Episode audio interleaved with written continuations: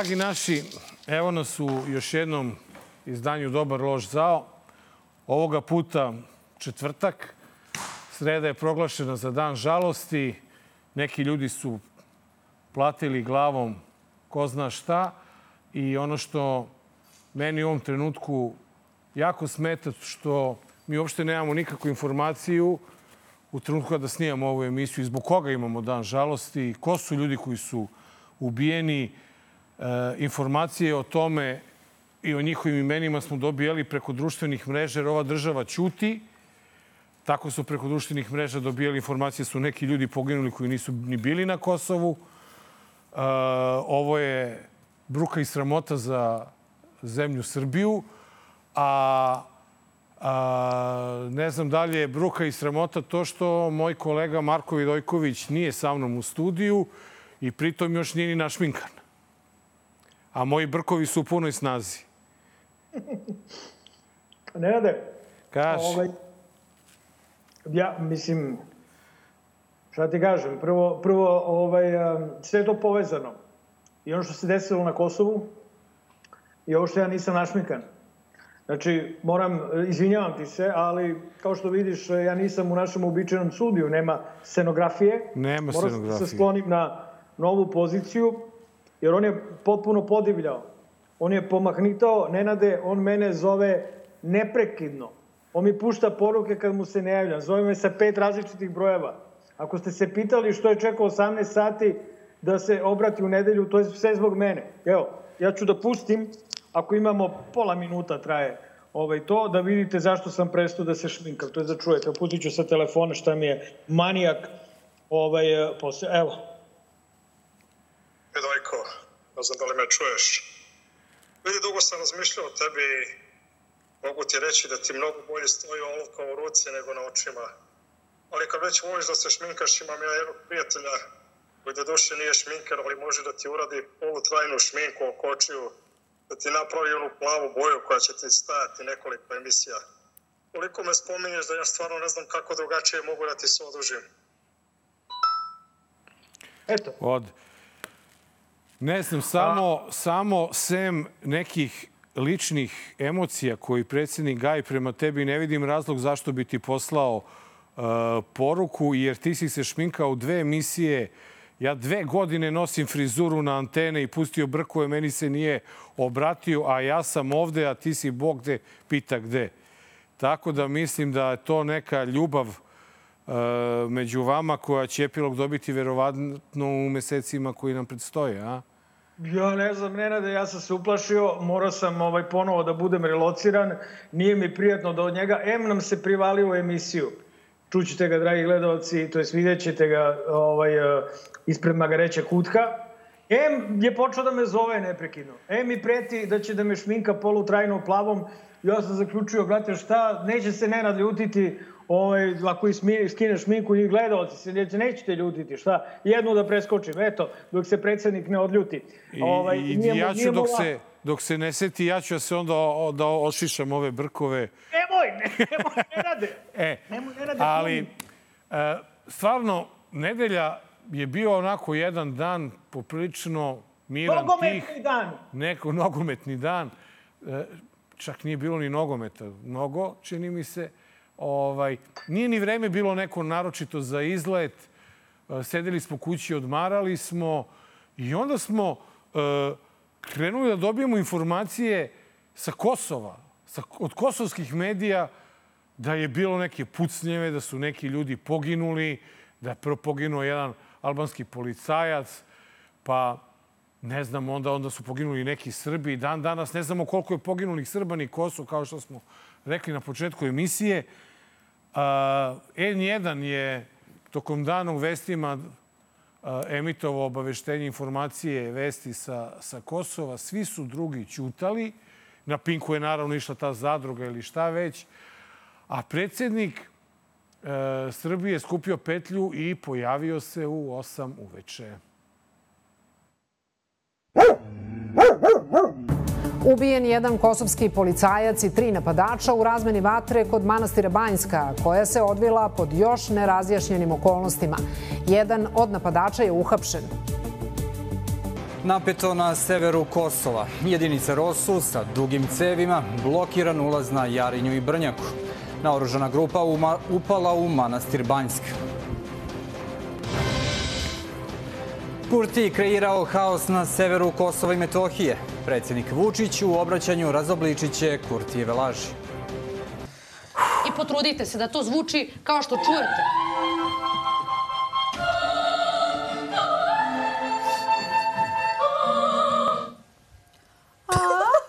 Slađo?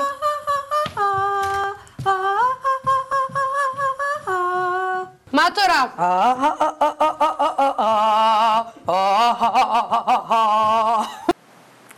Uniforme se kupuju svuda na tržištu i nikakav problem ih nije nabaviti.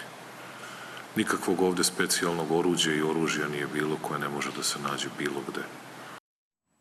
Matora uverljivije peva od njega. Nenade, uh, ti si mi, ja sam te pitao kad si mi puštao ovaj pilot, pitao sam te šta je bre ovo, kakav Pink, a ti si mi u stvari rekao dok je tamo bila a, dok je tamo bio mini rat, da je Pink se upevavao. Da, da dakle, da, imali su horsku vežbu, video si, za ja, vreme sjajno. Toga e, kako sada pričaju, znači koje to mare, ako utorkom snimamo, znači to je drugi dan od, od toga što se desilo na Kosovu, e, oni sada drže lekcije o tome da su neki srpski junaci izginuli na Kosovu, a pritom tih srpskih junaka se uopšte nisu setili tog dana, nego su nam puštali ovo što ste videli. Puštali su nam tu pokvarenu elitu, zadrugu, kako se zove to, taj šljam, najveći srpski koji postoji, kako pevaju i zavitlavaju se e, sa nekom horskom vežbom. Sve to da biste vi lepo gledali, uživali dok oni smisle šta će da nam serviraju. A onda, Mare, izvini samo da te nadovežem, a onda su nam servirali da se uniforme i oružje kupuju na svakom koraku. A, ti si na početku emisije rekao da, je, da su informacije dolazile preko društvenih mreža. Ja bih rekao i preko obaveštenih krugova. Znači, to je u jednom trenutku počelo da liči na narodnu pesmu. Sad ja to ne mogu u desetercu mrzime, stvarno, ali prvo reče da pogibe ovaj, sa Pinka Počuča. Pa onda reče da pogibe od Levijatana Bihalji. Pa onda reče da učestvuje obraz. Pa se onda javi od Pinka Počuča i reče da njegovo ime još nije na metku. Pa se onda javili i Pavelj Bihalj i kaže Šipci slave njegovu smrt, morat će još da sačekaju. Pa se onda javio i Mladen Obradović, koji je rekao da obraz nema nikakve veze sa onim što se dešavalo. E, ali onda je stigla glasina o tome da je na Kosovu, uh, to jest u Banjskoj, bio lično Milan Radojčić. Pa je onda stigla glasina da je ranjen. Pa je stigla glasina da je na VMA. Pa da nije na VMA. Pa je pušten snimak na kome se vidi lik koje i vidjet ćemo do, do četvrtka kad se ovo emituje, možda smo i dobili informaciju, ali biometrijski gledano ono je kao brat blizanac Milana Radojčića, onaj sa, sa ovom uh, Prigožin kapicom. I misliš ono što je cedio, cedio Miteser pa mu stavili onu na da lice? Da ga bolje vidi dron. On se, on se okrenuo onako i bio u zonu šta je ovo, kneže Lazare, ne znam šta je bilo. U svakom slučaju, on se nije javio do utorka popodne kada se mi, da demantuje bilo šta. Dakle, u to, i, ovi su se javili posle dva sata. Kako je puštena buva, ovaj poginuo, ovaj se javio, nisam bre poginuo, nekak je Kosovo. Kakve ja imam s Kosovo. Ovaj drugi isto, nema šanse, a ne. Ovaj treći isto ne, obraz nikad neće učestvovati u takvim stranjima. I, ali Mila Radojčić se nije javljao, ni pojavljivao, niti smo mi čuli šta se zaista dešavalo. Druga stvar, uh, ono, oni od, od kojih smo dobijali informacije, to su mediji, uh, kosovski mediji.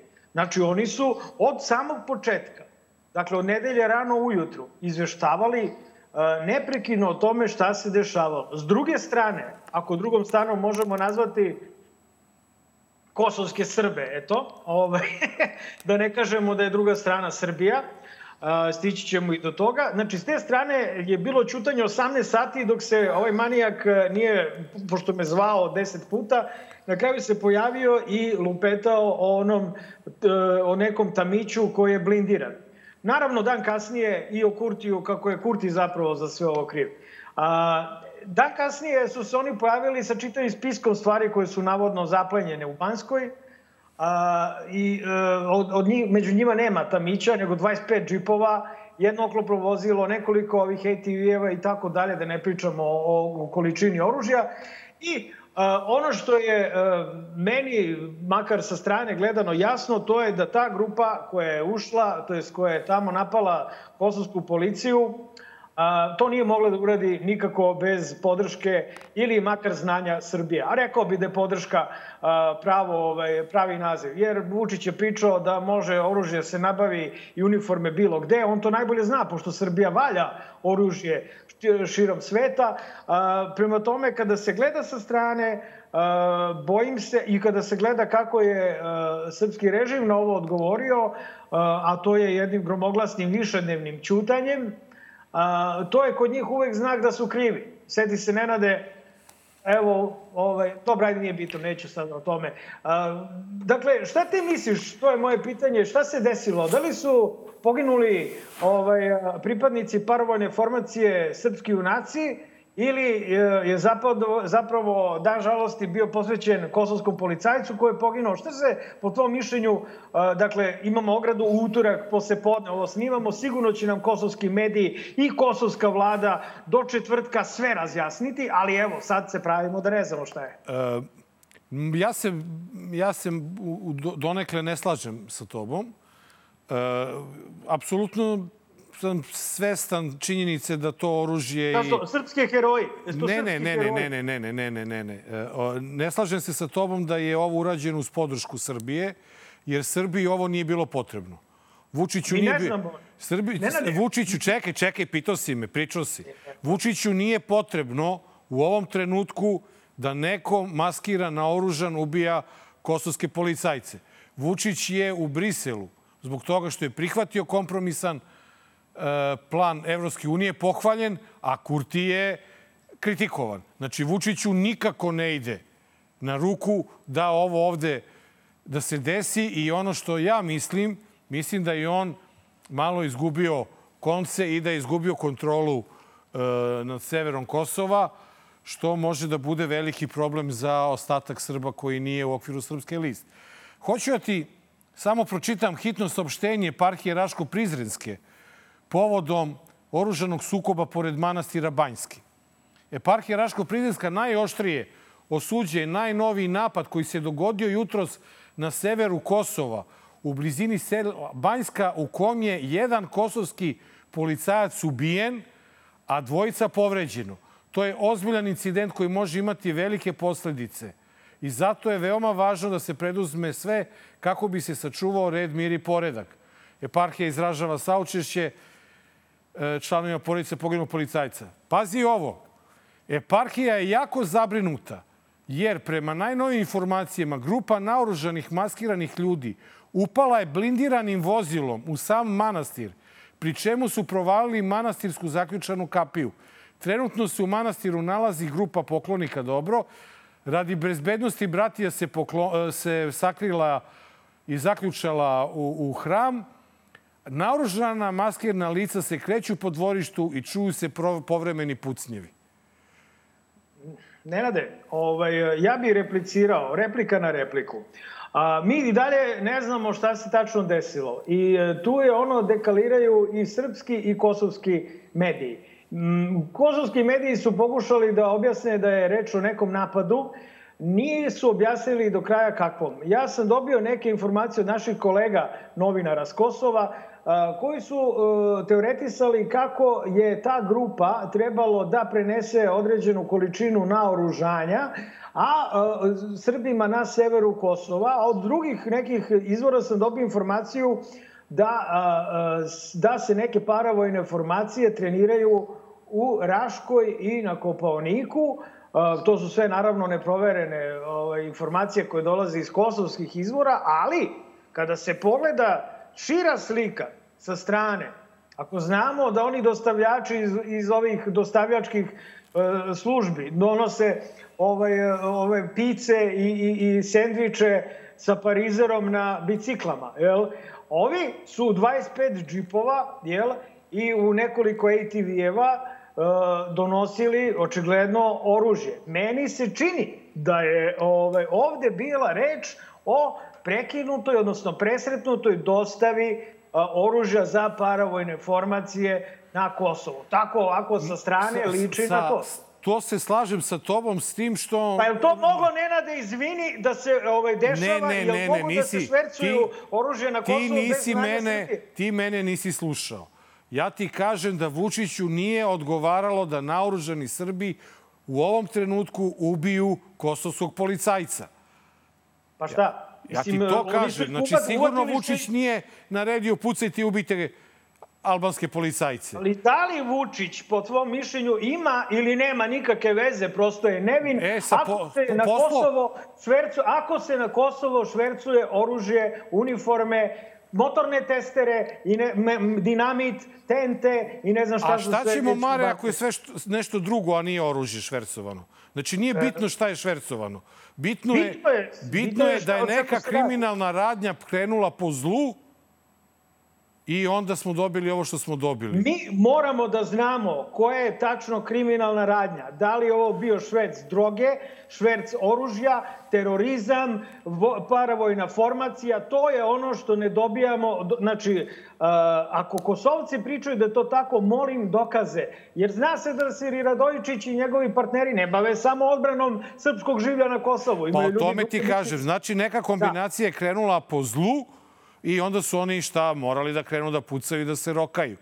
Da li misliš da može da dođe do određenog preokreta imajući u vidu Vučićev govor u Ujedinjenim nacijama kojim ćemo se upravo pozabaviti posle ovoga, koji je bio potpuno onako proruski, odvratan, Miloševićevski, nacionalistički, sovišovinistički i neprijateljski na, uh, ustrojen prema zapadu i prema srpskim komšijama. Da li ti misliš da taj čovek može sad da se preokrene, da kaže, au, vidi čoveče, stvarno Milana Dojičić, popreceni srpske liste, ima neke veze sa nekim ozbiljnim kriminalom. Ne, Znači, ne, 20 ne, ne, Mare, ti ja si dalje ne razumemo da je Pa da ovo da je ovo da je ovo Vučić planirao što se desilo.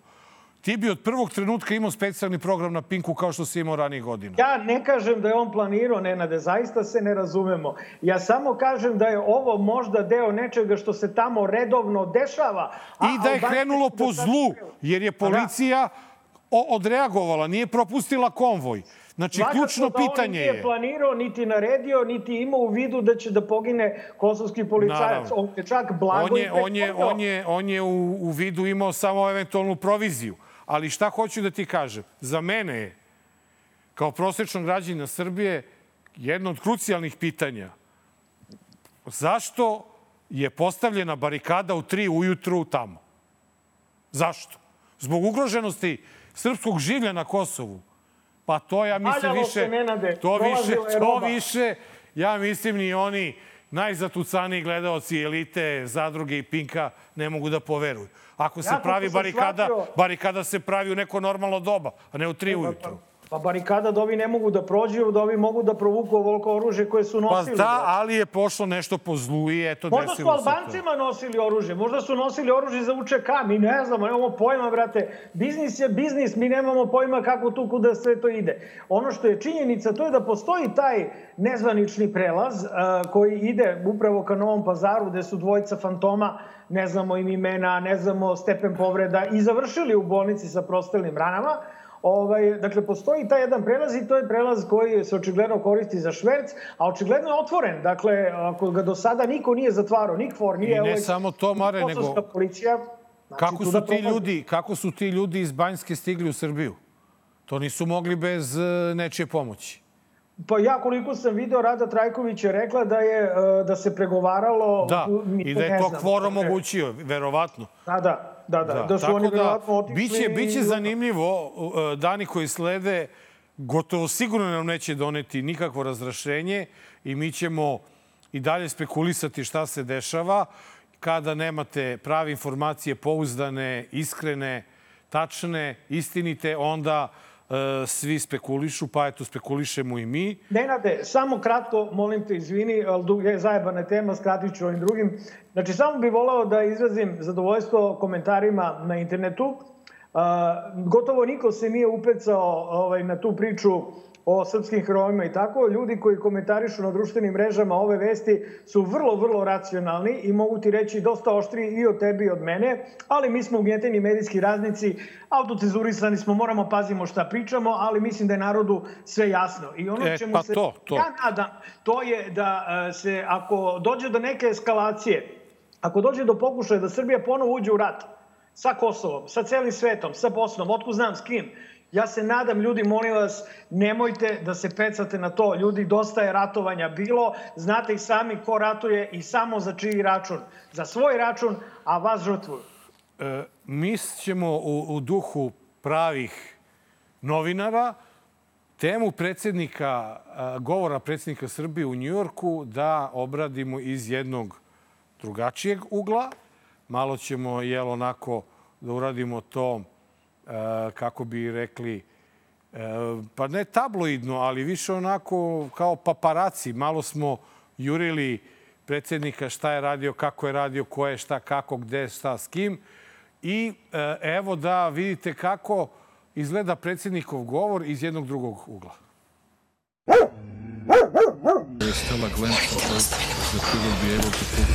Znam da sam govorio mnogo duže nego što je bilo to do, but have to say nego that što je I gave the same zatraženo od mene, ali smatrao sam da imam isto pravo kao i velike zemlje koje su velike zemlje dale, dale sebi. Hvala vam što ste me saslušali.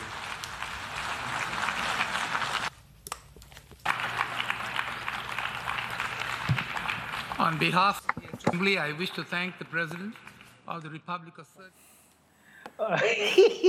znači, on je udavio, vrate, ovaj, i sebi potpisao ko zna šta sa tim govorom, koga je naložio da, ja sam ispratio govor, ceo sam ogledao, nemojte misliti da nisam, dragi gledalci, Ovaj, I bio je govor katastrofa. On je osramotio Srbiju do daske, sebe još više.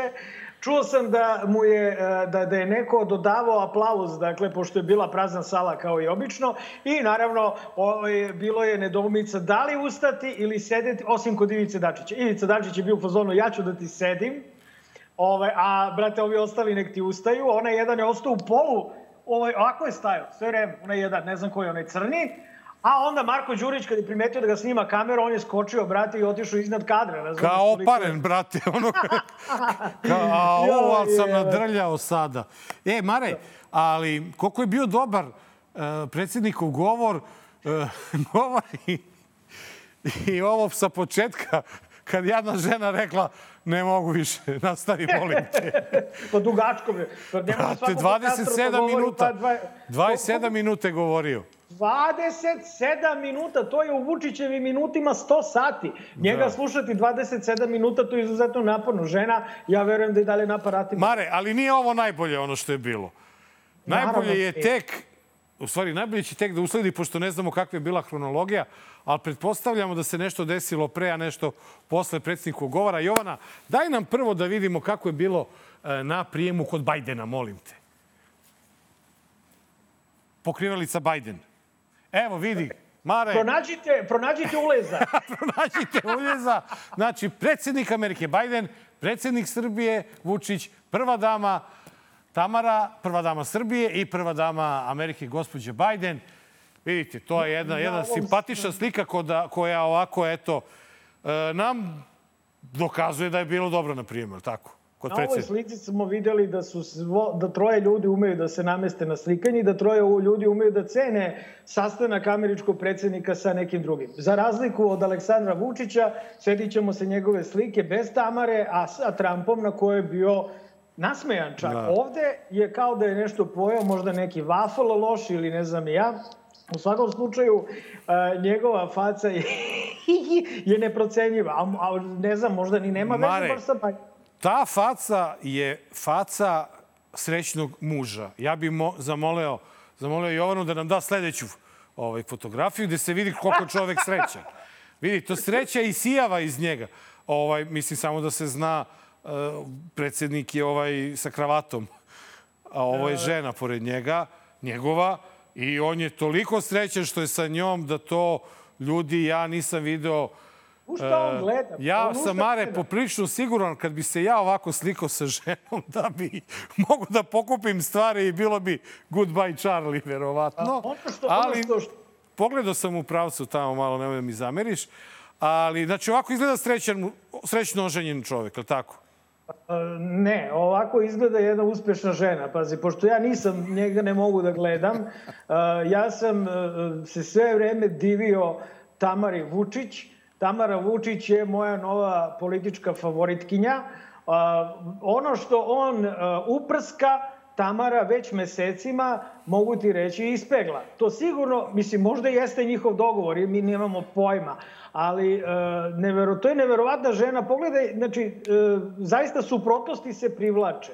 Na toj slici koju smo videli, a, verujem da ste svi zapamtili, ne morate mene da gledate, zažmurite i setite se te slike. Tamara Vučić izgleda savršeno opušteno. Ona je uvek opuštena i vesela, za razliku od ovog koji je uvek agresivan, ljud, I Mare, I, i, a, i, i, i oni, znaš, kao, ne, neverovatno je e, kakva je to sila ljubavna njih spojila, e, da ona je osetila potrebu, ona sebe i predstavlja inače na Instagramu kao diplomatu, ona to zaista i jeste, kada ovaj, ovaj uprska, ona ode u Kijev jest, i, i ali i ovakav, se sve. ovakav uh, stav njen u društvu Super takvog čoveka, to je Svaka za, ono, za orden, majke. Ali, ali da ne grešimo dušu. Izvini, Čekaj, čekaj, izvini. A rekao si, bit ćeš kratak, bit ćeš kratak. Hoću, ovaj, ali te, evo sad ću biti kratak. Zato što je jako bitna poruka koju želim da pošaljem. Kada predsednik završi u sanatorijumu, u Drajzerovoj, u Ludnici, kad zanemoća i tako dalje, e, ja u Tamari Vučić, i ne zajebavam se ovom prilikom, a, to jest ne šalim se, pošto znam da su me cenzurisali, a, dakle, ne šalim se uopšte, ja u Tamari Vučić vidim zgodnu naslednicu. Mislim da je Tamara Vučić potencijalno sa Vučićem u sanatorijumu dobar kandidat za našeg budućeg predsednika, odnosno predsednicu. Prvu predsednicu u istoriji Srbije. Šta fali? Dobro, ali ajmo da vidimo... dobro? E, da Čekaj, vid- Nenade, tebi se ne čini? Šta? Ne, brate, taman posla. Što? Ovaj, ajmo mi da vidimo, da vidimo ipak e, našeg predsjednika u malo drugačijem raspoloženju. E, a to bi, e, evo, evo, ovako izgleda srećan muškarac. Ovaj u ovoj svetloplavoj. Ovako izgleda, ovako izgleda neuspešan nastavak Sopranova. Znači, Sopranosi, pogledaj ih, molim te, obukli su se kao, brate, Toni Soprano i kao... Jeste, ali vidi, on je nasmejan. On je srećan. Pa, ako Pazi, ovo osmeh, znači, da. znači šta se dešava? Sa ženom je namršten, sa Đurićem je nasmejan, je- u ne, uskoj je- trenerci, brate, još je petak. Ti znaš da je on psiho, ti znaš da on voli da dominira. Jednostavno, na onoj fotografiji iznad njega su i Joe Biden i Jill Biden, a Tamara Vučić iznad svih njih. Ja mislim da on to ne može da podnese. Matori, super je, veruj mi, a i Nenad zna, a i ja znam, kada je žena na višem nivou od tebe. Dakle, Kako kad je to supruga- najbolja stvar? To je najjača stvar. tu nema bolje bre da stvari, budeš brate. ljud, Ti druže, ideš, piješ da- kafu, šetaš se sa Markom Đurićem, jedeš vafle po Njujorku, možda od neki hot dog. Ali evo, samo da ne bude da je montaža, evo još jednom samo da pogledamo tu zbirnu fotografiju sreće i sreće. Evo, vidite, to, to znači nismo izmislili. Pogledajte koliko je on srećan sa, sa Markom, a ovo gore, ja ne znam, majki, meni je žao nešto tu. Nenade, ona je srećna za oboje. Ona toliko žena i sijeva pozitivno. Ti ne bi volao, Nenade, da ti ovo poglede, da ti ovo bude predsednica. Ja bi, meni ona super skroz. Ne, ne, hvala. Hvala. Što? Pa neka, hvala. Ja bih više volao Danilo da nam bude predsjednik. Ne, Danilo će biti kralj. To, je to. A da, pa ne, onda, onda, onda, onda će Tamara da bude premijerka. Jer ne možeš da imaš i kralja i predsjednika. Ne, ja se zadržavam Nenade ustavim okvirima. Dakle, Danilo dobro. neće biti ništa, kao što i treba. Tamara će da bude Mare, predsjednica koja da- se druži sa Sean Pennom. To je samo, to, to je samo, da te, samo da te odmah, ovaj, da odmah prekinem tu svu tvoju ovaj, ideju i svu tu, ta tvoja nadanja. Sve to. Goodbye, Charlie, jer je To! opozicija postigla dogovor za pobedu.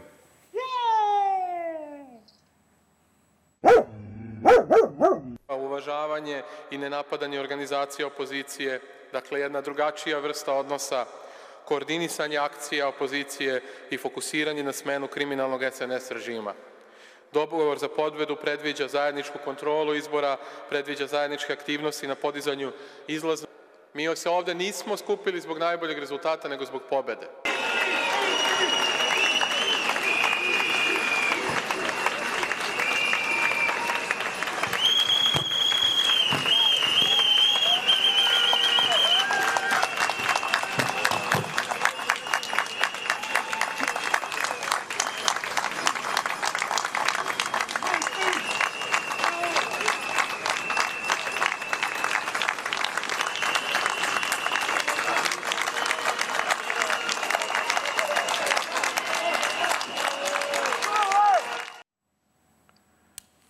Ovaj, moj, moj komentar je malo kasno, malo nedovršeno, kao da tu nekog fali, ali otkud znam, bio je i onaj dogovor DS-a, ovoga a, Ponoša, Zelenog i Rumuna, i, i pa se, ja se to proširilo na ovo ili nije.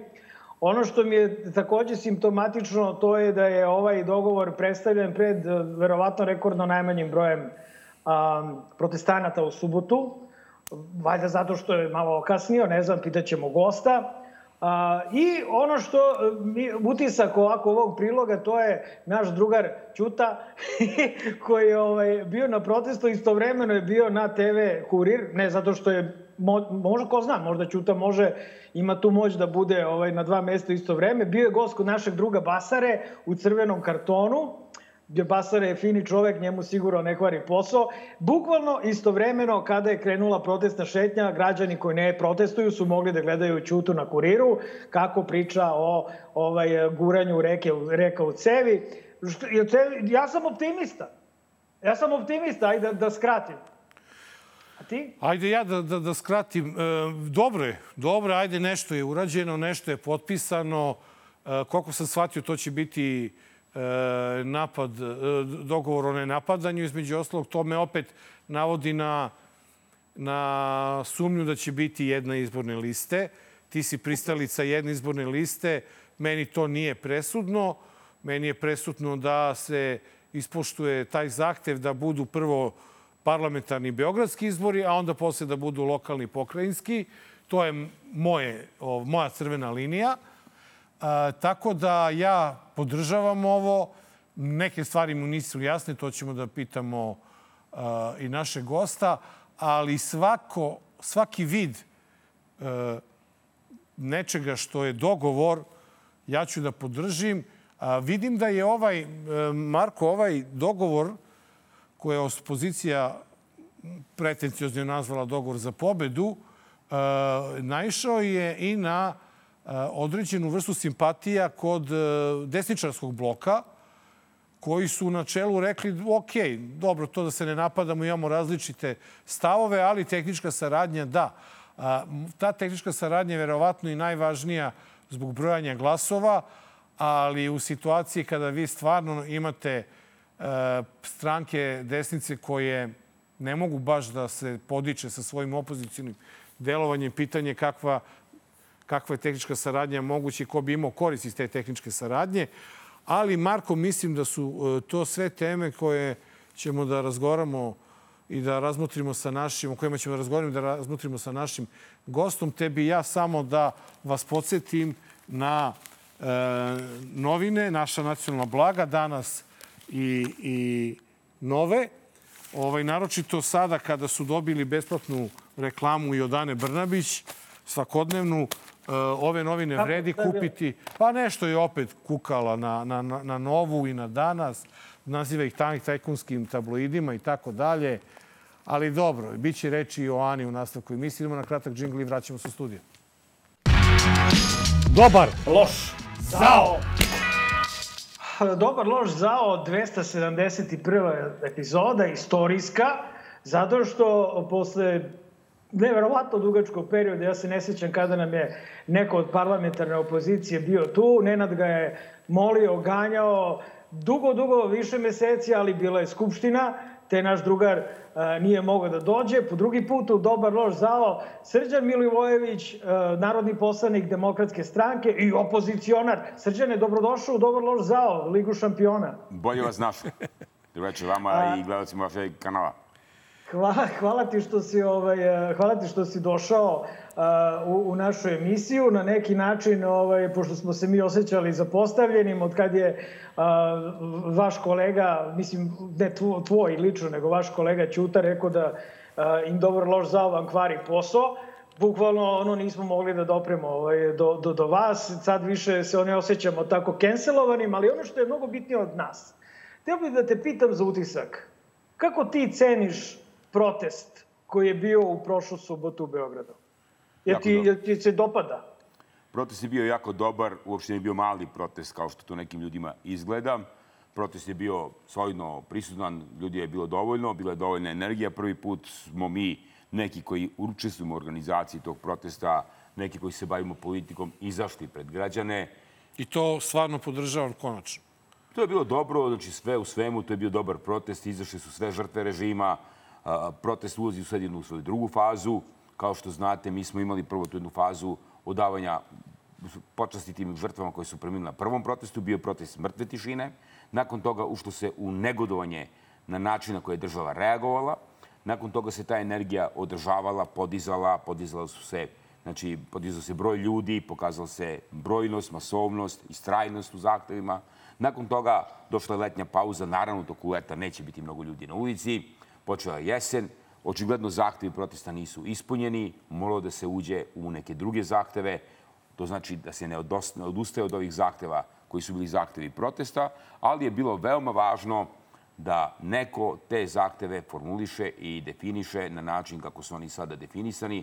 Dakle, ako vi nećete da ispunite ove zahteve protesta i ovo što građani traže, to će morati neka druga vlast. Ta druga vlast... Srđane, Izvoli. Srđane, iz, izvini, ovaj, sa, nešto mi, nisam te sad ni slušao, zato sam odmah da te prekinem, ali to je stvar moje opšte poznate kulture i pristojnosti. Znaš šta, možda ti nije poznato, ali ja sam relociran u inostranstvo zbog preti smrću koje sam tamo dobijao i ja iz inostranstva pažljivo pratim šta se dešava u Srbiji. Takođe, ja iz inostranstva pasionirano pratim i taksi kamere. Prema tome, evo, samo ću podeliti sa tobom, ja sam napravio, bio sam nesrećan zbog toga, ali ti kažeš da je ovo dovoljno, ovo je u 7.15 kada je protesta kolona kretala, izvinjam parče čokolade na ovom ekranu, ovaj, kada je protestna kolona kretala od ovog od iz malo e, ka samo... tebi, e tako, tako. E ovako. E tako. Znači tako. ovdje je početak kolone, a ovo gore je kraj kolone. Srđane, e, kako možeš da kažeš da je ovo dovoljan broj ljudi, brate? Znači, u redu je i da ka... Mislim, nisam očekivao takav odgovor, zato što mislim da nisam ja jedini koji e, ima, e, koji gleda taksi kamere. Gledao sam od kad ste počeli da se okupljate dok niste krenuli i ovaj, ne, de, ne deluju mi kao protest na koje je došla cela Srbija i kao nekakav vrhunac onoga što se dešavalo od maja do sad. Izvini, ali ono, ili lažu kamere taksi. Ne, kamere ne nalažu, to nije bilo najavljeno kao vrhunac protesta. Ja vam kažem, bio je sasvim dovoljan broj ljudi na protestu, bilo je dosta ljudi i u šetnji. Svaki čovek koji je došao uradio jednu veliku, veliku stvar. Bilo je sasvim dovoljno ljudi na protestu. Ovo nije protest koji je trebalo da prelomi situaciju u Srbiji. Ovo je protest koji samo održava broj ljudi. S druge strane, ovo nije, ja sam to kazao i na samom protestu, ovo nisu nikakve šetnje. Ako neko misli da mi nemamo šta da radimo, pa nam je dosadno, pa smo došli da prošetamo, je gradno greši. Ovo je marš slobode, ovo je održavanje vatre, ovo je održavanje energije ljudi, ovo je čas građanskog vaspitanja, ovo je elementarno održavanje jedne potrebne energije broja ljudi koji će staviti protest imati svoje amplitude i rasti skokove.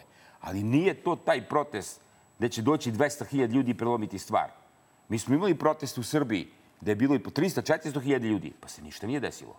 Imali smo mi i Vidovdanski sabor, koji je skupio 200 hiljada ljudi, imali smo proteste 93. 96. Ništa se nije desilo. Do, ali, ali činjenica da je i ovde na početku protesta bila ogromna energija i ogroman broj ljudi. A nemojte uopšte da I... dajete iluziju da je to potrošeno i da to neće se ponoviti. Ti misliš da to nije potrošeno? Pa kako potrošeno? Pa ljudi, mi možemo sutra... Pa šta sutra... treba srđane da se desi? Treba novo masovno ubistvo da se desi. Šta? Da bi se... A zašto, zašto ovaj, od toga da polazite? Postao... Ja se, Ja se ne bi s tim stavom složio. Prvo, mi ne čekamo da se nešto desi. Mi preventivno delujemo da se nešto ne desi. Mi baš i jesmo na ulici da se nešto ne bi desilo. Ali nije se režim Slobodana Miloševića srušio tako što se skupilo 300.000 ljudi na ulici pa srušilo Slobodana Miloševića. Pre toga su se desile neke vrlo važne stvari. Deset godina se protestovalo protiv Miloševića. Ne jedna, ne dve.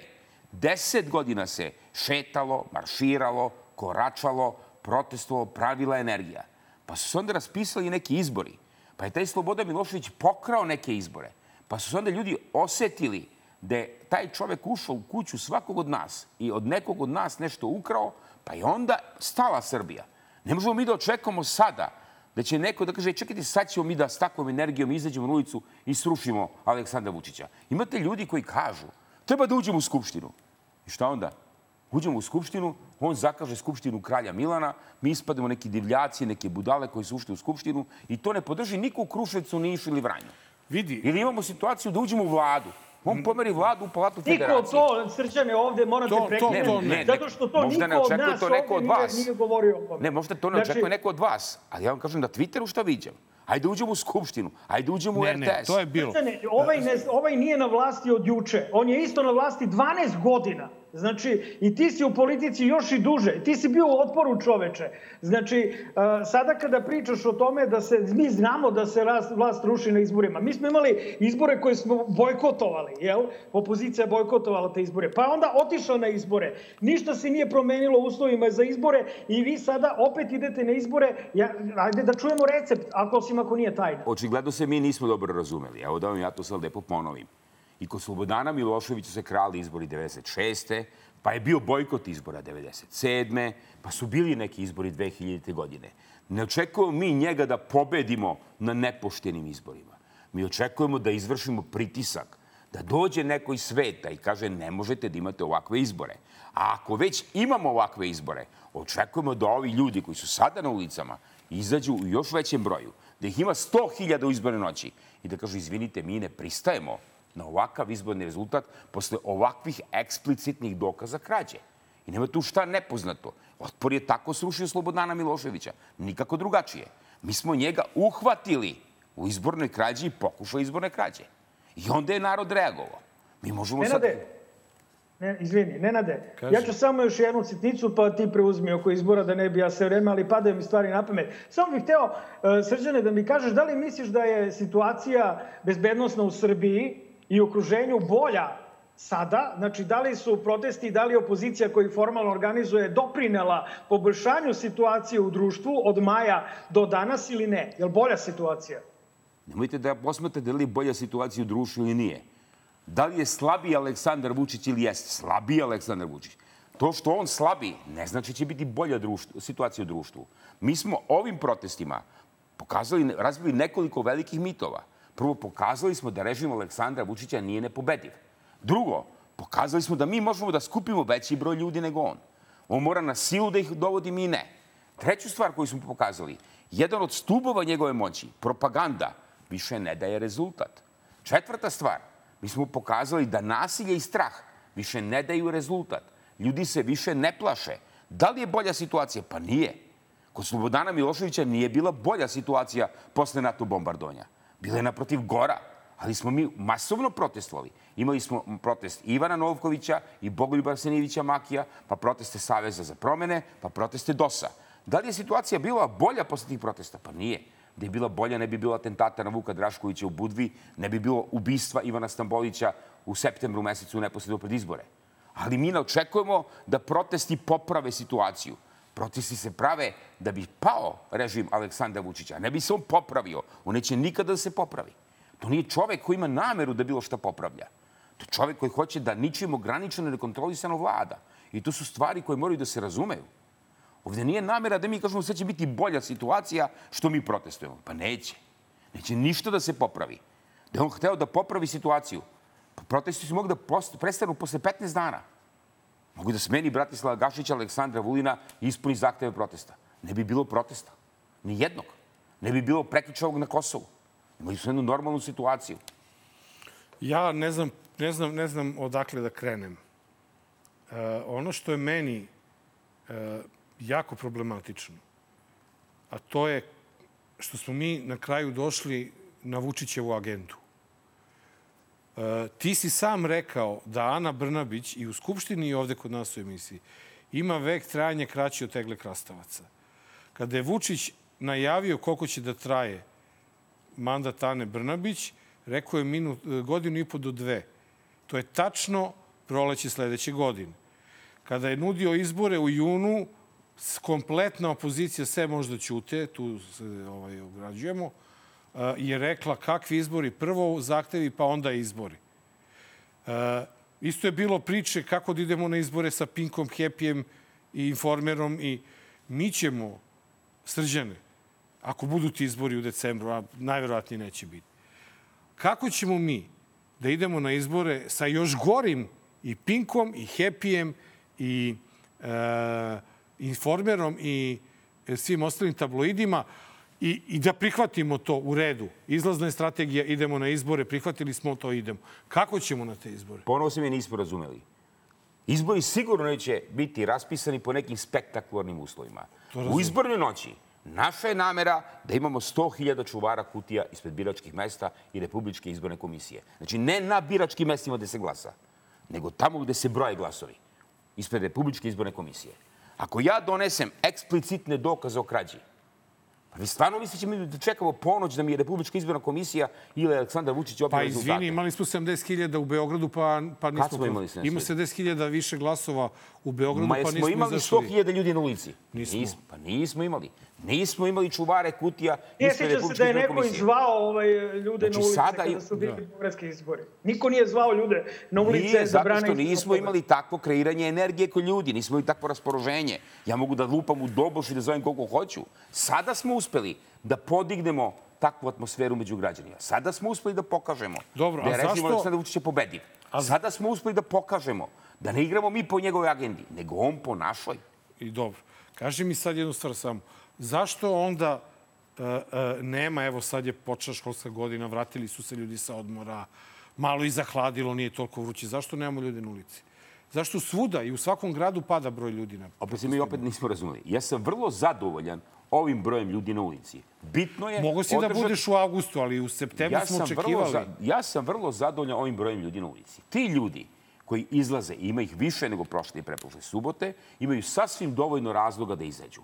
Posle ovog događaja na Kosovo i Metohiji vidjet ćemo kako će ti protesti izgledati. S druge strane, mi smo očuvali nenasilni karakter protesta. Očuvali smo energiju protesta. Očuvali smo tu volju ljudi da izađu i protestuju. Nemojte misliti, neko je kazao da je u aprilu sve bilo gotovo. Ma neće niko za opoziciju. Posle jednog nemilog događaja, posle dva nemila događaja, izašlo je nekoliko desetina, stotina hiljada ljudi na ulici. Svi kažu da su to najveći protesti od petooktobarskih promena. Jesu. Bili su. Zašto bih ja sad sebi pucao u glavu i kazao ne, ja sam time nezadovoljan? Ja sam prezadovoljan time da se Srbija Ja probudila. nisam zadovoljan zato što su neka deca morala da budu ubijena da bi narod izašao na ulice i onda četiri i po ili pet meseci kasnije, četiri i po, pet meseci kasnije dolazimo do toga da opozicija traži izbore. Znači, daj Bože da nije bilo tog povoda za ove proteste i da niko nije morao da izlazi na ulice. Srđane. Ne, opet se mi ne razumemo. Ja nisam zadovoljan tragedijom koja se desila, ali sam zadovoljan rešenošću ljudi koji su postali svesni da u Srbiji ne postoji taj mali svet običnog čoveka. Ljudi su kazali, ej, mene politika ne interesuje, zatvorit ću se u mali svet. Pokazalo se da nema funkcionalnog malog sveta u neuređenim društvima. Zlo će doći i pokucati na vrata svakog od tih malih ljudi. Taj mali čovek koji je bio zatvoren u taj mali svet, izašao iz svog malog sveta i nema više te magične Vučićeve prevare sa 100 ili 200 evra koja će ga tu vratiti. Ne, on je izašao tu. Tu je na ulici, on je Kako nezadovoljan. komentarišeš da je Vučić već dobio izbore zbog Parizera? Uopšte ne vidim da je Vučić dobio izbore. Pa tako pričaju čak i ljudi Pa koji su u taj Parizer- naklonjeni opoziciji nego Vučiću. Ako u taj parizer upakujemo Banjsku i Kosovo i Metohiju, i ako omot tog parizera bude ona tragedija iz Ribnikara i bude poniženje ljudi, recimo moje tetke, koja je sa 27.000 dinara i živi sa tri člana porodice, njoj je to, to s tim parizerom veliko ruganje. Ona da bi mogla da pojede četvrt hleba, ne pola, nego četvrt hleba, jogurt, 100 grama parizera i majoneza, treba i 29,5 hiljada dinara samo kad bi jela tri Samo puta to dnevno da 100 jede, grama da. parizera. Ona uopšte nije srećna zbog tog parizera. I ona ne smatra da je on dobio izbore. Ona je uvređena. Ona je ponižena. Zašto ponižava ljude na takav način? Kako dobije izbore s Parizom? Pa ne može dobije izbore s Parizom. Srđane, da li si ti za jednu izbornu kolonu, makar proevropskih demokratskih A stranaka? to sam ja hteo da ga pitam, ali malo drugačije, ali nema veze, ajde. Prvo, Ajde, priči, ti, ti ga doteraj, ajde, Nenade. Mislim da Doteraj je ti. apsolutno nepotrebno ovoga trenutka pričati o kolonama opozicije. Mi imamo Srpsku naprednu stranku koja je vlast. Niko ne pita Vučića, je li bre, koliko ćete vi kolona? Šta je s tim tvojim pokretom za Srbiju, kako će da izađeš? Gde ti je, bre, Dragomir Karić? Gde ti je Nenad Popović? Svi ste bili na gomili na izborima, imali ste 157 poslanika, poslednji zakon u Skupštini je jedva izglasan sa 32. Gde su ostali poslanici? Što ne dolaze Zato, u Skupštinu? Srđane, tebe pitam zato što Dakle- za vas treba da glasamo, a ne Dakle, za da, njega. da bi glasao za nekoga od nas, mora sačekaš da budu raspisani izbori, jer DOS je formiran 1. januara 2000, 2000. godine. Ali se znala kolona DOS-a tek posle toga, tek kad su raspisani izbori. I tada je bio SPO u izbori, u koloni. U koloni. Pa niko nije znao da neće da E, budu u koloni. ali šta je- Dakle, suviše, damo da završim. Aha. Vrlo je važno. Suviše rano pričati o koloni. To je nepotrebno, to je štetno, to je pogrešno. To je duboko pogrešno sada se svrstavati u kolone dok izbori nisu raspisani. Zašto davati municiju Aleksandru Vučiću da u to puca? Ja verujem i radit ću sve što je u mojoj moći da ta kolona opozicije, patriotske, prosrpske, evropske, kako ja sebe smatram, bude jedna jedinstvena kolona. Da li će u toj koloni biti ovi ili oni? Ja to ovog trenutka ne znam da vam kažem. Oni kažu ne, postoje tri kolone, pet kolona, desna kolona. Ljudi, to je totalno pogrešno. Jedina podela koja će praviti kolone nije da li si ti evropski, da li si desno, da li si monarhista, da li si republikanac. Da li si ti prijatelj za saradnju sa režimom Aleksandra Vučića ili nisi. Odričeš li se satanek, što bi se reklo na krštenju ili ne.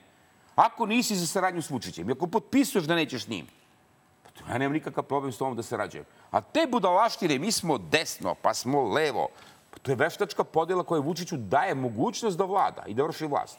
E, šta sam ja hteo, apropo Markovog pitanja, kako da dođem do toga? Ja sam na tim protestima čuo i video samo dve poruke. Kada su bili e, naj, najbrojniji, kad je bila najveća energija i ti ćeš me ispraviti ako ja nisam dobro čuo.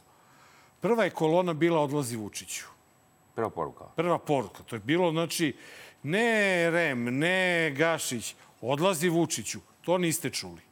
Ne kažem vi. Vi ste čuli, vi iz demokratske stranke ste nosili majice sa tom porukom i znam, priznao ti ili ne, znam da ste se zalagali da to bude.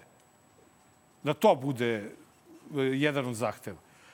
A, me- drugi zahtev koji sam ja čuo na ulici bio je jedna lista. E sada hoću da pitam tebe, ali nisi ti prava adresa. Nemoj da misliš da Ne, sada ja jesam, sručim sigurno. sav gnev na tebe. gnev. Ja imam osjećaj da opozicija konstantno ne sluša šta narod govori. I prošli put je rekla jedna lista, niste išli na jednoj listi, išli ste na dve. E, plus oni bačeni glasuju naročito u Beogradu. I sada je opet poruka jedna lista. Ja koji nisam pristalica za jedne liste, ipak te pitam, ima li šanse da vi čujete ili ćete i dalje da nas ubeđujete da je to stvar matematike i onda kada dođu izbori, kada prođu, niko više ne uzima tu odgovornost zašto rezultati nisu onaki kakvi su obećavani. Evo da postavim obrnuto pitanje, pošto ja ne živim nigde drugde u Srbiji. Krećem se među tim ljudima i čujem te zahteve. Da pitam sada vas, kao glasača, koji bi glasao za jednu listu. Da li biste glasali da na toj listi bude neko koji je glasao da Bratislav Gašić ne bude smenjen zbog ovih tragedija? Da bi Ne, vama... ne, pričamo, pričamo o demokratskoj opoziciji, ne A, pričamo ne, o se, znači, ako Znači, znači, nekad kažete jedna lista, to podrazuma jednu listu kompletne ne, ne, opozicije. Ne, ne, ne, ne, pričam ti o jednoj listi jer ja ne mogu DSS da svrstam u opoziciju, ja ne mogu zavetnice da svrstam u opoziciju, dveri do nekli mogu. Ali ove dve ne mogu. POKS da ne govorimo. Da ne ulazimo u to. Da ne ulazimo u Ja- sitno. ja Znači, pričam, ti, pričam ti o vama koji sedite u samom onom ćošku Ako Skupštinske govorimo, sale. ako govorimo o nama koji učestvujemo u organizaciji protesta, E, o tome govorim. znači, da li... Plus i ovi drugi koji su uvek bili tu kada je svaki protest trebao da se iznese na... Mi ni jednom jedini put do sada nismo razgovarali o bilo kakvim kolonama. Ni o jednoj, ni o dve, ni o tri. Ne, ne, ja ti samo kažem šta je moj utisak iz naroda. Evo, ja ću da vam kažem šta je moj utisak koji sedim unutra. Ni jednog trenutka se nije govorilo ni o jednoj, ni o dve, ni o tre kolone. Naprotiv, eksplicitno smo zaključili da je za opoziciju najzdravije da se izbori raspišu, pa da onda donesemo odluku u kakvom će obliku izaći to- to mogu da To je najlekovitije, najdelotvornije i Marko- najpametnije. Marko baš i S ne, druge- ali S ja druge mogu. strane, ono što ja mogu da vam kažem intimno, ne vidim ni jednu prepreku da organizatori protesta Srbija protiv nasilja ne izađu u jednoj koloni i da se ta kolona baš tako zove. I mislim da postoji dobra volja i mnogo spremnosti da, Da do toga to- dođe.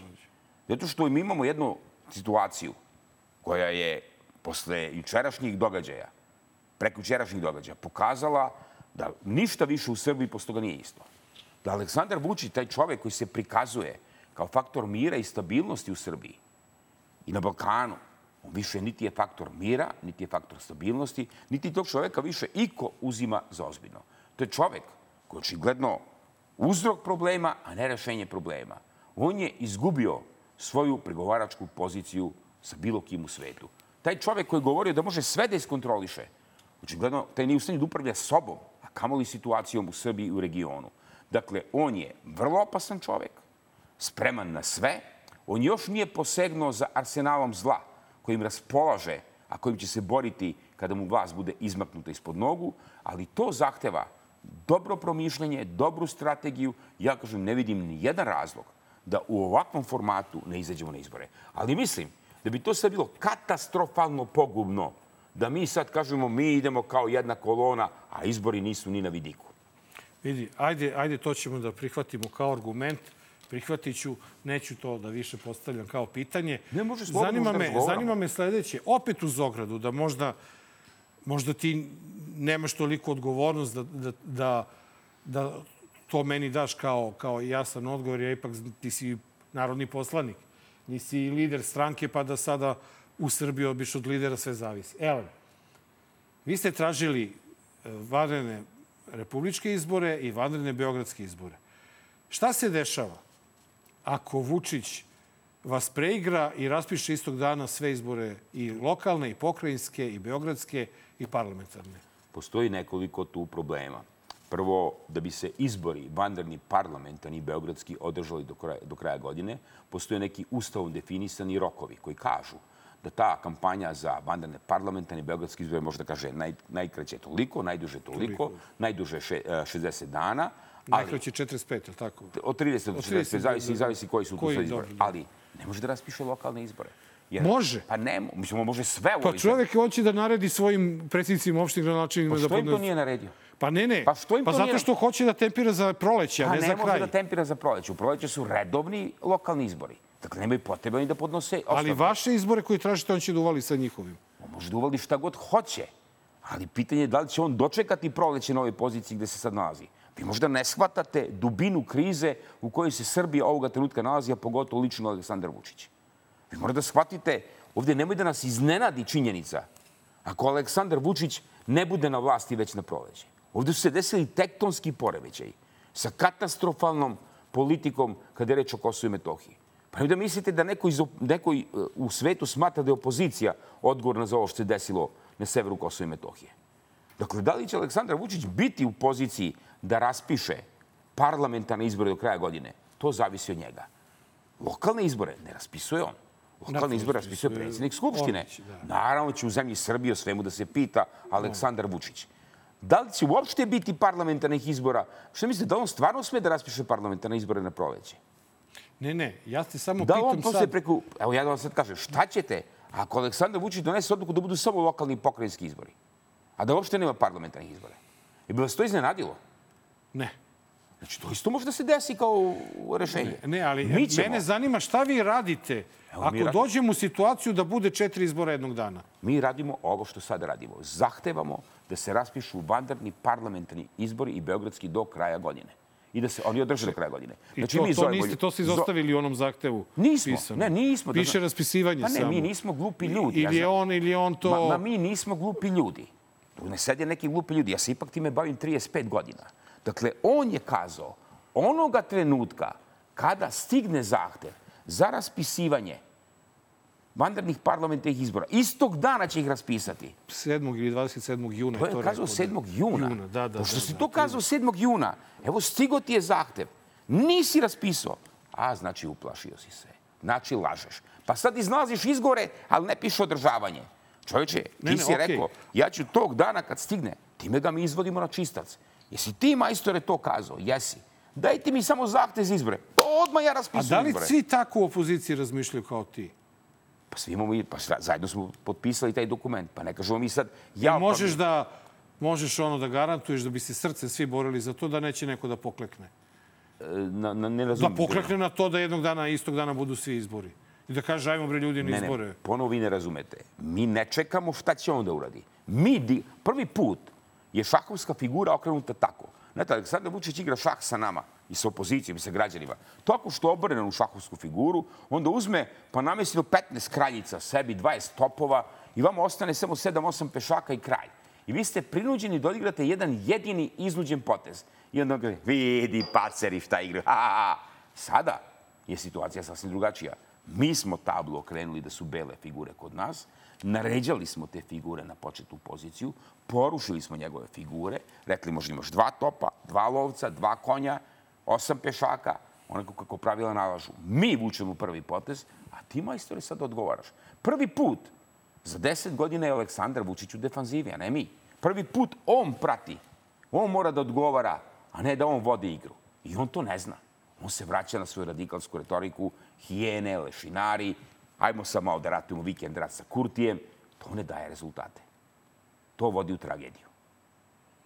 Mare, Pa ja ne vidim iz, iz ove moje perspektive, verovatno mi je zamućen vid silnim frustracijama, ono vezani za Srbiju, ne vidim gde je ta prednost o kojoj naš gost govori, kako to odjednom sada opozicija ima figure i kako će opozicija, na primjer, u gradovima u kojima nema ni jednog ono odbornika, niti čak jedan ono lokalni odbor uspeti da kontroliše bilo šta na tim izborima. Ali, ono, pošto imamo ograničeno ono vreme za emisiju, ja bih samo uh, pitao još da li, uh, evo, demokratska stranka, pošto za ove ostale znam da nisu u tom fazonu, da li demokratska stranka obraća pažnju na lokalne pokrete koji su aktivni bili uh, i dalje su na lokalu u nekim gradovima gde praktično opozicije drugi ni nema i da li ovaj, njima nude saradnju? Prvo što je vrlo važno da pomenem, demokratska stranka, ne postoji mesto u Srbiji, naseljeno mesto, da ima biračko mesto na tom mestu, da nema makar jedan demokrata. Znači, ne postoji ta teoretska šansa da posle 32 godine vi dođete u neko mesto u Srbiji i da pitate, izvinite, ima ovde neki demokrata? I da kažu, nema ni jedan. To ne postoji. Znači, makar jedan demokrata postoji. Ne postoje u tim mestima ni jedna druga lokalna organizacija, ne postoje lokalni frontovi, ne postoje te male lokalne organizacije, ali postoji neki jedan demokrata koji se bori. Naravno, ima puno gradova u Srbiji gde se pojavljuju razni pokreti i udruženja građana i nama je veoma drago da se ljudi na takav način uključuju u politiku. Postoje ekološke organizacije, postoje pokreti, postoje lokalni front u Kraljevu, postoje lokalni front u Valjevu. Mi imamo vrlo dobru saradnju sa lokalnim organizacijama. Postoji mnogo mesta u Srbiji gde će grupi, grupe ljudi, grupe građana izaći na lokalne izbore samostalno, bez političkih stranaka. Postoje mnoga mesta u Srbiji gde su već formirane liste kandidata za odbornike. Postoje ljudi gde su već istakli kandidate za gradonačelnike, kao što je recimo Jagodina. Pa postoje mesta u Srbiji, kao što je Kruševac, gde smo se već dogovorili ko će nam biti kandidat za gradonačelnika, da će biti jedna lista u okviru ovih uh, organizacija koje učestvuju u organizaciji protesta.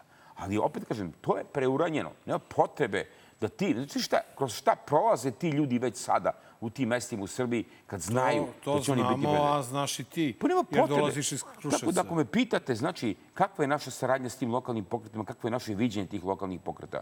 Imate razne lokalne pokrete, imate razne organizacije, imate i prorežimske pokrete. Nemojte to građana. suma. Imate prorežimske grupe građana. Svašta će tu biti. Setite se onog, a, građa, a, onog doktora, mislim da je bio iz a, Zaječara koji se kandidovao na izborima, pre toga odbio Vučićev orden. Dizan u zvezde, napravio koaliciju sa SNS-om odmah posle izbora. izbora, pa to ti Ovako, kažem. znači, prošlo vreme kaži bednih mi, da li ti, ti stvarno ovaj, misliš da je Vučić posle svega ovoga što se dešava da je on u panici? Ne, ja ne mislim, ja to znam.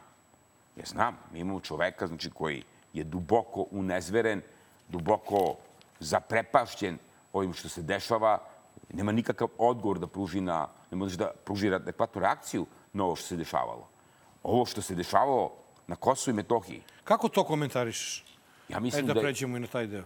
Jednodnevni rat između Albina Kurtija i Aleksandra Vučića je pokazao ovo što sam kazao, da Aleksandar Vučić ne vlada situaciju u Srbiji, da nije rešenje problema, nego je on uzrok problema.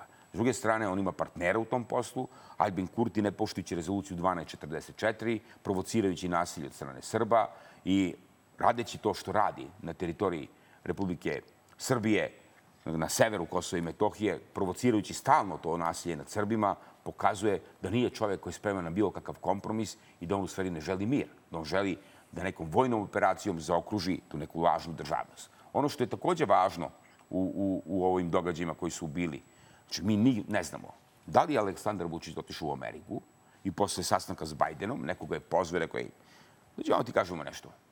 Vidi ovdje ima neke Sky aplikacije oko neke Jovanjice, vrlo problematične. Ima nekog ubistva Olivera Ivanovića, ima oko neke trgovine oružjem, ima ovde neke Sky aplikacije oko nekog Veljka Belivuka. Nešto se stalno vrti ovde tvoje ime. A vidi, imamo i neke obaveštene podatke da se tamo nalazi 2000 nekih ljudi, pripadnika teritorijalne odbrane i civilne zaštite na Kosovo i Metohiji. Otkud mi ne znamo ili znamo da Aleksandar Vučić nije dogovorio tamo ko zna s kim. Zato što mu možda to nije odgovaralo ovoga. Pa možda njemu nije odgovaralo posmatrano s naših cipela. Ali Ali odgovaralo- možda je njemu odgovaralo to posmatrano tako, kaže, bre, ovi će da mi uzmu sve pare koje sam sklonio u inostranstvo, ja sam duboko Aha, misliš čovek, da je to... daj da ja odradim ovo što traži od mene. Možda. On stvarno otišao tamo u Ameriku, pa se Milan Radojičić probudio kao narodni heroj i kazao sad ću ja da oslobodim sever Kosova i da ga pripojim Srbiji i da podelim to Ali daj Kosovo. prvo da nešto izvaljamo. Ne, ne, da ništa ne izvaljamo. Sad ću ja da probam da uđem u četiri opštine. Pa dobro, ali zašto bi u tri ujutru neko postavljao barikadu? To meni nije jasno. Ko zna šta je tu bilo? Mi sad imamo informaciju, nama je to rekao Aleksandar Vučić, da je postavljena barikada. On je izašao na konferenciju za novinare. Nije rekao ni jednu tačnu informaciju. Ali ni jednu. Rekao je troje mrtvih, ima više mrtvih. Rekao je jedan ranjen, ima više ranjenih. Rekao je petor uhapšenih, najmanje desetor uhapšenih. Znači čovjek je izašao sa poluinformacijama A pred pri građane. tom u trenutku Pri kada tome, snimamo ovu emisiju i dalje nemamo nove informacije. On izađe Imamo dan kaže, zalosti, ali ne znamo za izađe kime. i kaže, slušali smo, slušali smo, kaže Albance kako komuniciraju. Izvini, ja znam da imate problem da razumete njih na albanskom jeziku, pa vam treba prevod. Što niste slušali brove koji su sa oružjem krenuli? Ko je mi je dao to oružje? Odakle im oni džipovi? Ko je to finansirao? Ko je to platio? Ko je nekog vozača saniteta mobilisao neku jedinicu i obukom u uniformu specijalne jedinice i kazao ti sad specijalac. I posao ga da ratuje protiv pravih specijalaca protiv nekih ljudi koji svakoga dana treniraju pucanje, koji svakoga dana treniraju borbena dejstva.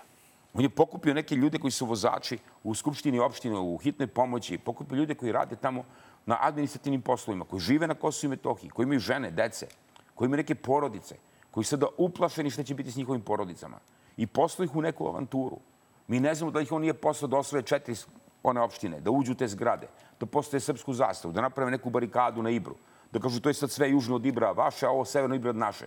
Mi imamo posla čovekom koji je hazarder, koji nije uračunljiv, koji je pokazao da on ne može da vlada situaciju na Kosovu i Metohiji. To je čovek koji je već jedan put prodao Srbe na Kosovu i Metohiji 99. godine.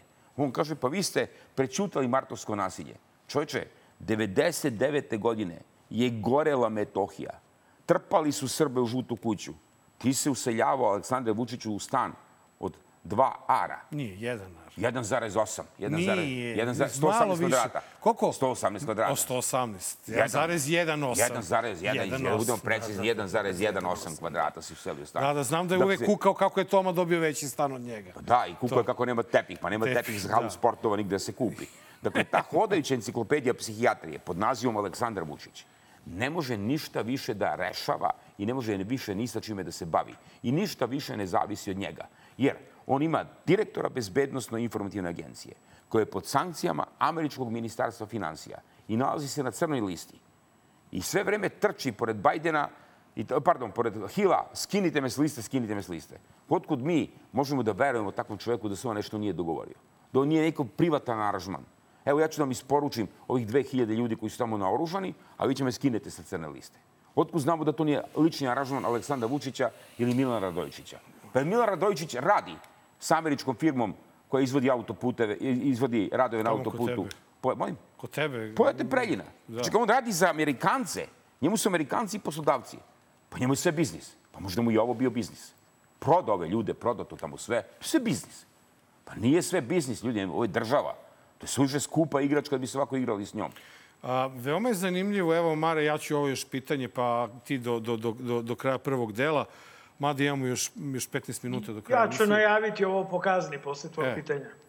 ovaj, e, kada je bilo, bila tragedija, ne tragedija, nego masakr, zločin u, u Ribnikaru, čekalo se nekoliko dana da bi se proglasio dan žalosti, jer navodno trebalo je proveriti, proveriti imena, prezimena pobijene dece i e, koliko dan posle te tragedije je odigrana košarkaška utakmica. Sad imamo obrnuti slučaj da mi u stvari ne znamo imena nastradalih, država ih nije saopštila, ali se zato uvodi dan žalosti da se ne bi igrao derbi. Jer je čovjek se vjerojatno uplašio šta će da mu se dere i viče na derbiju kad krenu sa svih tribina, možda se čovjek i stvarno i uplašio gde sve može da završi. Prvo, on se nije uplašio, on ima jako dobre informacije da će biti izviždan kao najveći izdajnik u istoriji Srbije od strane navijača na tom derbiju. Neće on moći da ukine derbi doživotno. Dan žalosti koji on proglasio sada zbog ovoga što se desilo, ne treba uopšte porediti sa danom žalosti koji je proglašen posle tragedije u Ribniku Da, ali naša emisija će opet biti prolongirana. zbog Ali toga. činjenica jedna. Tada se igrala košarkaška utakmica odma u vreme, u sred, u sred tog masakra, pa je tek posle toga proglašen e, dan žalosti. Sada se dan žalosti proglašava baš kada treba da se igra derbi. S druge strane, prvo je proglašen dan žalosti u Kosovskoj Mitrovici. Znate, treba sada neko vrat, pardon, da se vrati tamo u Kosovsku Mitrovicu. Neko ko je te ljude odveo smrt. I da pogledate ljude u oči. Mislite da su ti ljudi tek onako sad spremni da preko toga prećute i pre, pogledaju, čuteći. Pa se nemojte zaboraviti. Tamo ima nekoliko stotina i dalje naoružanih ljudi. Pa možda će otići i profesor Ković tamo pa će da ih ubedi da treba ginuti. Ne znam ko će da ode da ih ubedi da gine ili da ne gine, ali sada vas pitam ja vas. Šta mislite sutra dan da se desi nešto nepredviđeno na severu Kosova i Metohije posle ovog, posle ove izdaje ovih ljudi? Šta mislite koliko bi se ljudi odazvalo kad čuju one sirene da izađe na ulicu ili doda neka svoja rezervna borbena mesta? Ne znam. Šta mislite kakav bi bio odziv ljudi na mobilizaciju kod tih ljudi da stvarno neka opasnost zapreti? Ne znam. Ne Kako znam, to ne znam, ne, živim, ne ovaj- živim tamo, ne znam stvarno tamo, to je Izvolite, enigma. Mare. Enigma kako Da. tamo ljudi žive.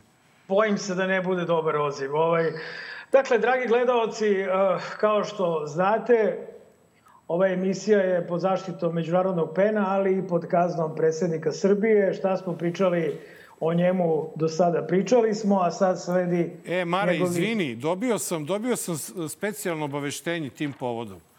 Pošto vi, dragi prijatelji, ne znate, Marko i ja smo ovu našu emisiju registrovali u Tunguziji kao naš brend i tako dalje.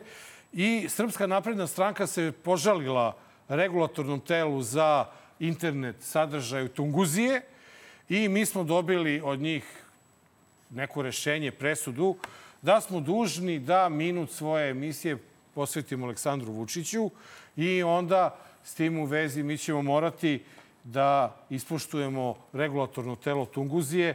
Tako da, Mare, to sam bio ovaj, dužan da ti saopštim, pošto je stiglo na moju adresu. Ovaj, tvoju nisam hteo da dam, da ne otkrivam tamo po Norveškoj Islandu gde se kriješ. Tako da znaš da je to ovaj rešenje stiglo. Dobro, dnevna doza predsjednika.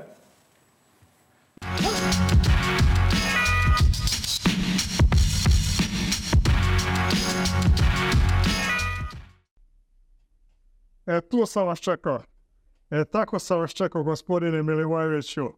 Pa treba da igram žmurke sa vama, da se krijem iz ovih blendi ovde po studiju, da biste vi mogli da me olajavate onako i da pričate, da pomislite da sam u Jorku, da vas ne slušam na tu samo dva metra od vas. Treba žmurke sa vama da igram. Smejete se moje slikama iz Njujorka. Gde su vaše slike sa vašim državnim zvaničnicima s kojima ste se susretali, gospodine Milivojeviću? Pa nema ih, naravno da ih nema. Smijete se mojim boljim cenama, mom parizoru. A čime biste vi hranili građani Srbije, gospodine Milivojeviću? Svi mi vrlo dobro znamo čime ste ih hranili u Kruševcu kad su zatvorili onu vašu radnju. Bolje da ne pominjem. A vama dvojici, Marko i Nenade, sljedeće nedelje spremam veliko iznenađenje jer ne bi ovo bilo minut istine u vašoj fabrici laži, da ja ne dođem i ne raskanta vas i pokažem građanima Srbije koliko vredi ova scenografija iza koje se vi nalazite i gde snimate emisiju i tačno će onako u dinar reći na koliko je procenjena ta vaša magareća glava i koliko ona košta tu u studiju. A do tada, dragi građani, strpite se do sledeće nedelje. Vidimo se. Želim vam sve najbolje, živi bili i živela Srbija.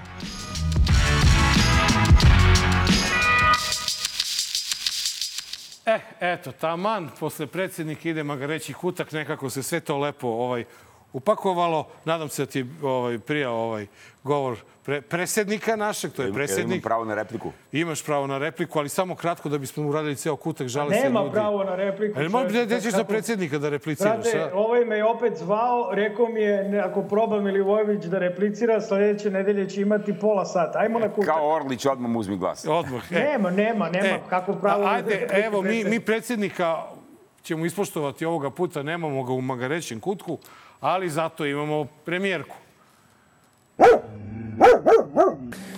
Razmišljam,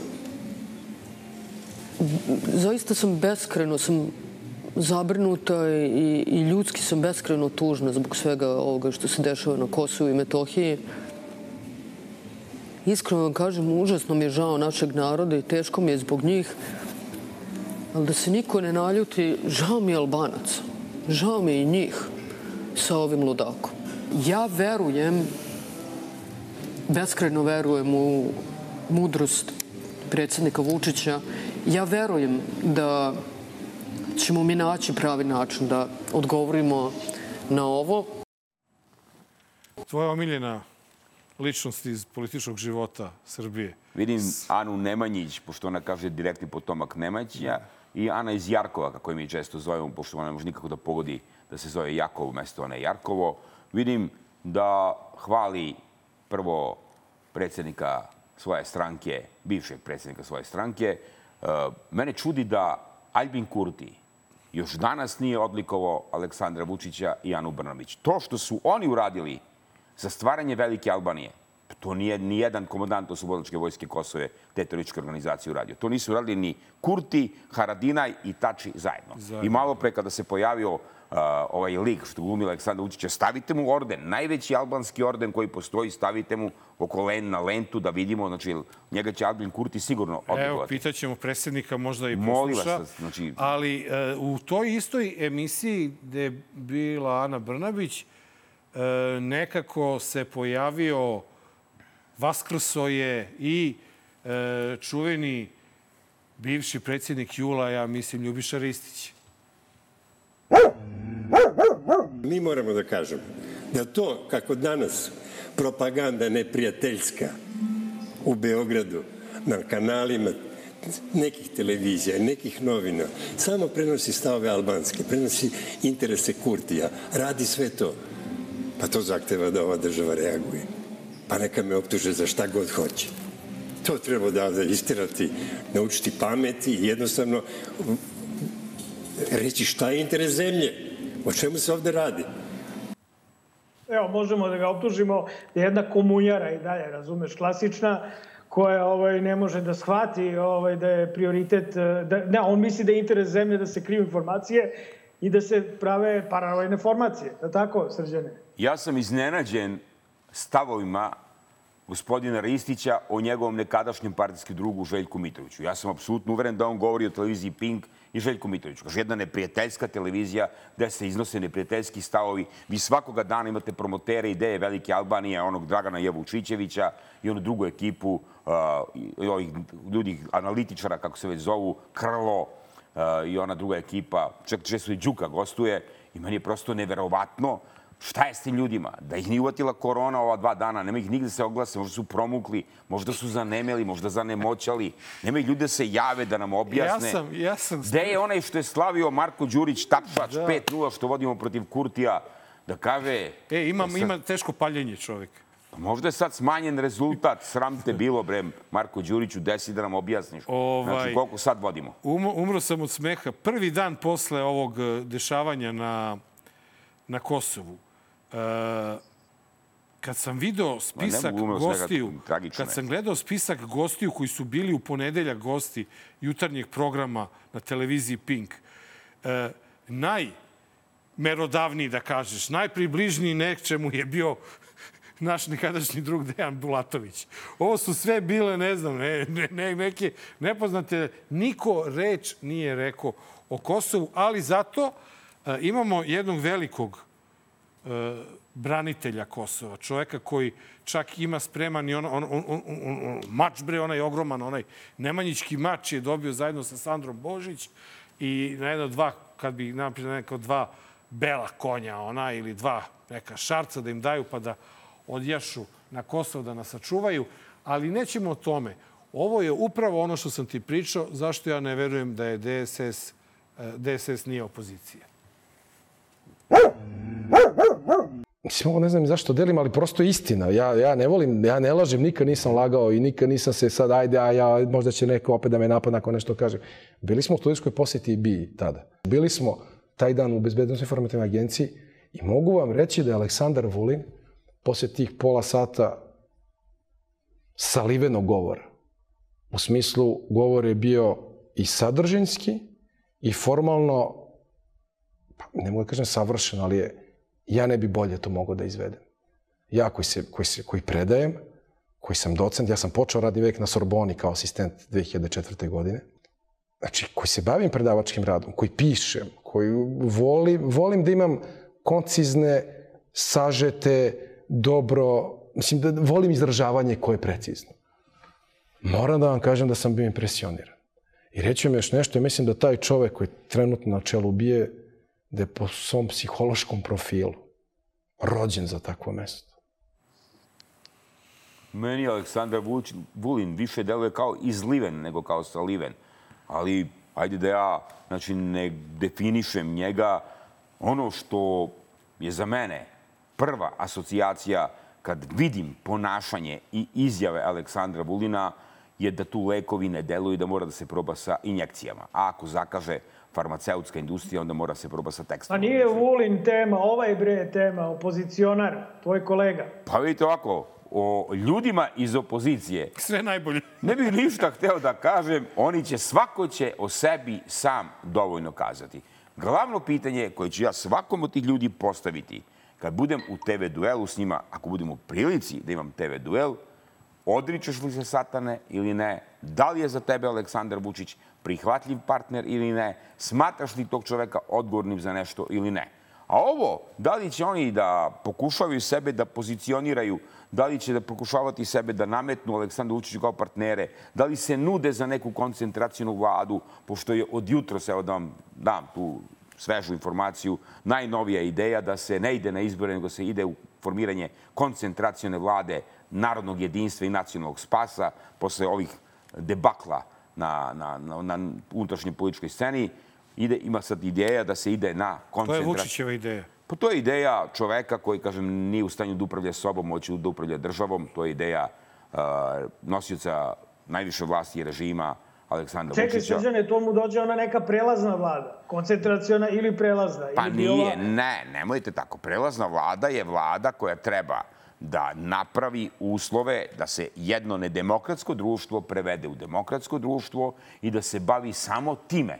Prelazna vlada znači mora da stvara uslove medijske i izborne za normalne i poštene izbore. To bi bila prelazna vlada. Da se na jedan miran način u jednom narušenom demokratskom poredku izvrši mirna transformacija vlasti bez potrebe da ljudi protestuju. Ako imamo koncentracijnu vladu, to znači skoncentrišemo sve snage za tog nekog i neke ideje koja je bliska režimu, da očuvamo pozicije vlasti i moći koje sad imamo u okviru zadatih parametra koje je ta vlada sebi postavila. To znači daj da nas bude što više, jer nas što više, to znači da ima mnogo poslanika u parlamentu, ima šta da se podeli, svi će nekako biti namireni, Namireni, sem ovih iz opozicije. Ko, koga briga za ovu demokratsku stranku, ove Miroslava Aleksića, Ćutu, Jasno, Mariniku Tepić i Zorana Lutovca i Srđana Milivojevića. Ali šta je problem takve igranke?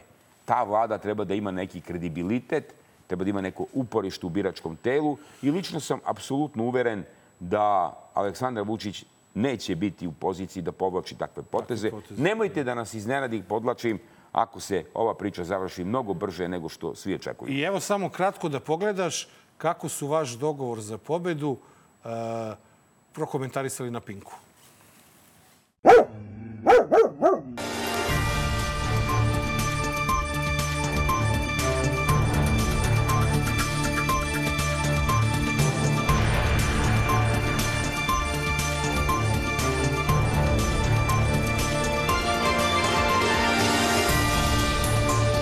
Dok jedni rade, drugi najčešće samo govore. Dok se Vučić borio za Srbiju, držeći istorijski govor u Ujedinjenim nacijama sa ciljem da sačuva Kosovo i Metohiju, u Srbiji je dobio nož u leđa.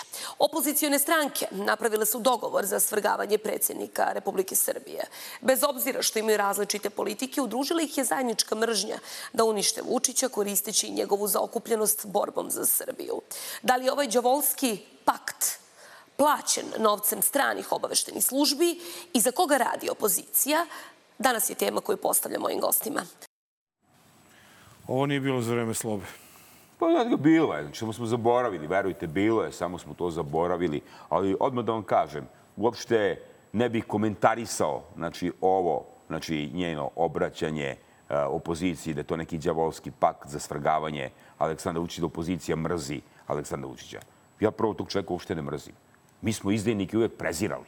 Mi nikada nismo mrzeli izdajnike. Prezir je nešto što zaslužuju izdajnici kakav je Aleksandar Vučić. A ove medijske sluge njegove, znači koje ne bi mogli da budu kućne pomoćnice u malo uređenijim demokratskim društvima, ona bi eventualno mogla da pomete studio neke televizije, kamo i da uđe znači, u taj studio da nešto priča i da nešto smatra. One ne zaslužuju nikakav komentar, jer u uređenim društvima, u društvima koji imaju odgovornost prema javno izrečenoj sceni, prema nacionalnoj frekvenciji, ovakve, neči, ovakve stvari neće moći da se dešavaju.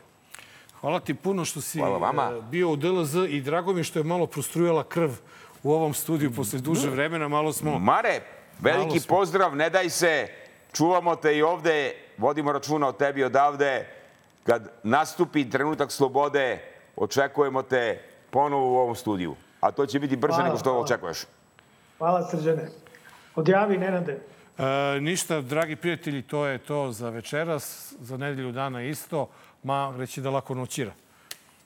Da, dragi ovaj, gledalci, učutati nećemo, a imaćete speci... ne znam kako je vama kada jedete parizer, da li imate uh, vetrove, ali vidjet ćete da gospodin predsednik očigledno ima uh, određenih problema sa varenjem.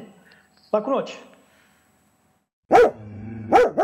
Znam da vetrovi slobode duvaju sve snažnije kroz svaki moreuz, preko svakog mora,